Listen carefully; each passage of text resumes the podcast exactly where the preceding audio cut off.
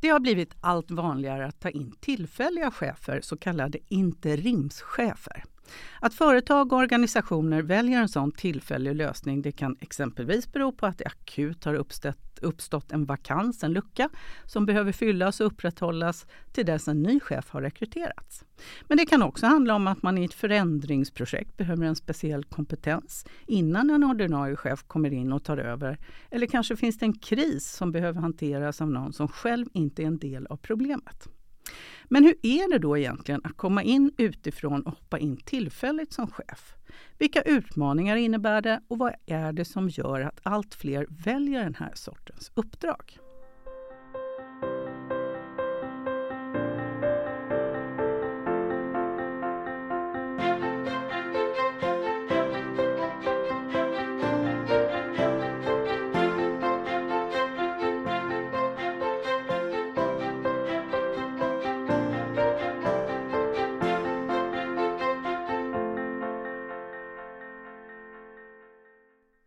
Att anlita interimschefer har alltså blivit allt vanligare.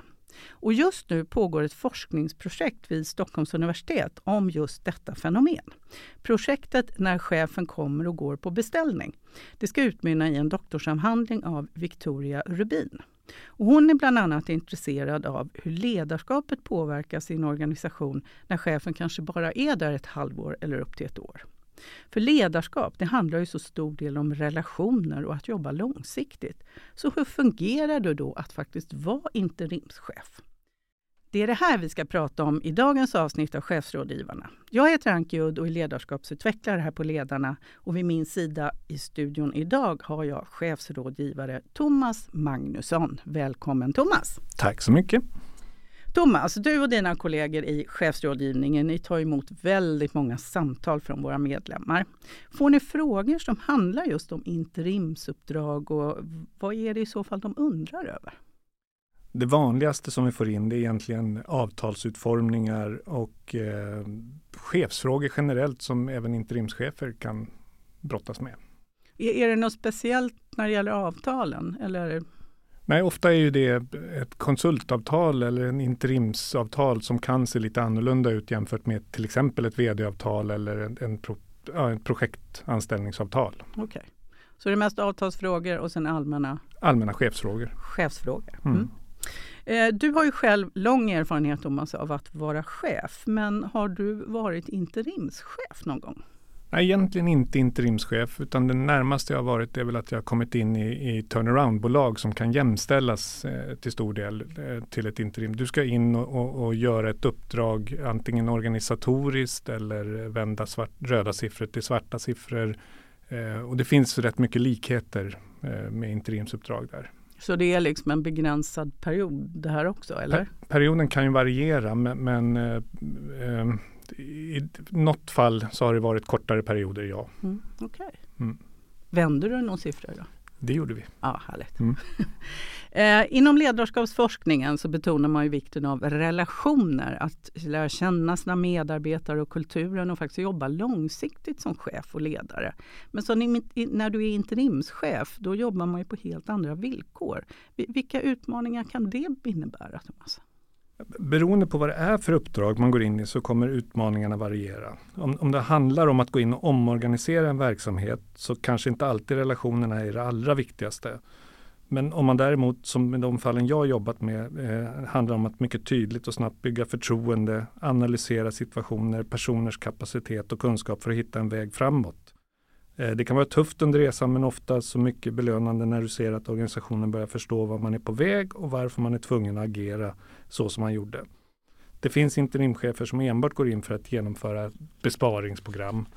Eh, de bygger sällan starka relationer utan de är där för en tid för att göra en omorganisation och sen så lämnar man över till en mer stadigvarande chef efteråt. Göra det obehagliga kanske? Precis. Mm. Torpederna brukar ja, jag kalla dem. Ja. Lite slarvigt ja. kanske. Men det behöver också, också göras ja, ibland. ibland. Ja. Personligen så tycker jag själv att det är väldigt viktigt att känna att jag tillhör ett sammanhang när jag jobbar. Eh, jag blir själv alltid, oavsett vad jag jobbat, blir jag väldigt lojal med min arbetsgivare och det organisationen står för. Eh, jag tror inte att jag skulle trivas i en roll där jag endast är inne tillfälligt. Men många väljer ju ändå interimsuppdrag nu för tiden. Så det måste ju också finnas fördelar. Vad, vad tror du att det är som kan locka, Thomas? Eh, jag tror att vi alla här är olika, men jag hade mina mål uppsatta för mig, jobbade väldigt tydligt mot dem. Eh, med mycket förändringsarbete, snabba resultat på det vi gjorde. Uppdraget från styrelsen var tydligt och min uppgift blev att tydliggöra det för gruppen på ett sätt som omsattes i verksamhetsmål. För mig var utmaningen resultatet och få med mig gruppen i förändringsarbetet, det jag brann för. Så du sa att uppdraget var tydligt, det kan jag tänka mig är ganska avgörande Mycket i det här fallet. Och då, då ser man väl också att om man faktiskt når målet eller att man har skapat skillnaden eller genomfört och det kan ju vara tillfredsställande. Kan Rätt snabbt så ser du ju trender att, att det du gör går åt rätt håll. Eh, och där hän- hänger det ju väldigt mycket med att du, du faktiskt får med dig nyckelpersoner eh, på förändringsresan. Mm. Eh, vad, vad ska man tänka på då innan man går in i ett interimsuppdrag? Är det något särskilt jag behöver ha med mig? Jag tror att det är jätteviktigt att du har ett tydligt dokumenterat uppdrag. Eh, att man vet vad som förväntas, eh, vilka resultat som förväntas. Eh, för, för finns det minsta otydlighet där så, så finns det risk att uppdraget som sådant faktiskt går i, i diket. Och det är väl nästan giltigt i massa olika sammanhang tänker jag. Så är det. Att Men- ha men- tydlig- men Ju tydligare desto bättre helt Ja. enkelt. Ja, okej. Eh, men att som, om vi tittar på medarbetarna och i deras perspektiv. Att få en ny chef, det vet vi påverkar tillvaron i ganska hög utsträckning. Närmsta chefen är oftast väldigt viktig för hur man upplever sin arbetssituation. Hur kan en interimschef som är inne just så här en begränsad period så snabbt som möjligt ändå lyckas bygga förtroende till medarbetarna? Vad har du för erfarenhet av det? Ja, beroende på hur stor organisationen är eh, så bör man snabbt identifiera de personer som du måste ha med dig i, i ditt uppdrag. Här gäller det att i första hand få med dem på tåget. Lägg tid på de här personerna som i sin tur har möjlighet att påverka ytterligare personer. Eh, De här byggstenarna för att eh, till exempel öka försäljningen eller eh, öka eftermarknaden och sånt där. De nyckelpersonerna kan påverka så många fler i organisationen så att det är lättare att få igenom förändringsarbetet. Så du jobbar genom förändringsagenterna kan man säga, de princip, som ja. är på. Ju snabbare de får en förståelse för vad man ska göra, ju lättare är det att sprida den kunskapen ut i organisationen. Det här är det vi, man brukar prata om popcorneffekten i förändringsarbete. Det här att alla poppar inte Nej. utan fokusera på de här procenten som faktiskt poppar. För Mm. de drar ofta med sig de opoppade popcornen Mm. om man brukar Mm. prata om Mm. som en metafor. Eh, vilka för och nackdelar kan du se för en organisation att välja att faktiskt ta in en interimschef? Fördelarna blir ju att det är väldigt lättillgängligt. Eh, Du kan få in kompetens väldigt snabbt. Eh, Det kan vara kostnadseffektivt om man då säger att jag vet vad det här kommer kosta i ett halvår, ett år eh, genom att göra det här förändringsarbeten. Ja, det, är väl egentligen de största fördelarna som jag ser. Sen, sen är det ju, nackdelarna blir ju lite grann motsatsen till det, de fördelarna är. Det blir ett väldigt kortvarigt engagemang. Eh, det blir svårt att bygga relationer på det sättet. Men de är ju där för att göra ett annat arbete. Eh, det kan bli kulturella krockar med personer som kanske har ett CV som, som säger att jag klarar av det här men inte alls klickar med personalen. Eh, så det, finns, det finns både för och nackdelar i, i, i, som man ska beakta. Mm. Nej, det vet man ju faktiskt inte riktigt. Ehm, hur, hur det fungerar i verkligheten så att Nej. säga, när man väl är på plats. Ehm, finns det tillfällen som du menar att det är direkt olämpligt att faktiskt ta in en tillfällig chef? Jag, jag tror att om företaget brottas med kanske mer långsiktiga strategiska eh, frågor så, så är en interimchef kanske inte eh, alls rätt i de lägena utan här är det nog mer frågan om att på en kort tid göra ett förändringsarbete eller ett projekt eller någonting annat som, som eh, man vet har ett slutdatum. Eh, eh, annars tror inte jag de organisationerna är, är mogna att ta in en interimschef. Så väldigt tydligt genomförande liksom under en viss period. Definierat projekt, Mm. definierad eh, start och slut eh, och däremellan ska arbetet göras. Mm. Mm. Ehm, skulle du säga att alla chefer är lämpade att ta interimsuppdrag?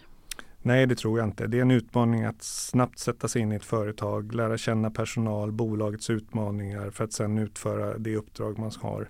Eh, och sen också vara mogen nog att därefter lämna eh, när man kanske har gjort en, en eh, stor och inte se vad slutresultatet kanske blir. Det tror jag också kan vara problem för många. Jag skulle tycka det var jättejobbigt. Ja. Här har jag liksom skapat min baby ja. och så måste jag gå därifrån sen. Mm. Det kan vara tufft. Det kan vara ja. väldigt tufft. Så man måste vara lite lagd åt hållet att gå in, exekutera och, och lämna. Ja, okay. eh, om någon som lyssnar nu faktiskt är intresserad av att faktiskt börja kanske som att ta interimsuppdrag. Vad, vad råder du de personerna till? Hur går man tillväga? I dagsläget finns det rekryteringsbolag som specialiserat sig på, på interimschefer och jobbar enbart med det. Eh, jag skulle ta kontakt med dem, eh, lämna in en CV, förklara ens styrkor och så vidare och sen så eh, göra sig tillgänglig för marknaden. Bra tips. Ja. ja. Och att det finns speciella organisationer Jajamän. som jobbar just med interimschefer.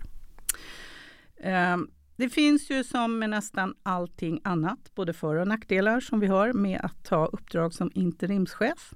Men oavsett om du är tillfällig chef eller inte så skulle jag vilja avsluta med att citera Theodore Roosevelt om vad han menar är den bästa chefen.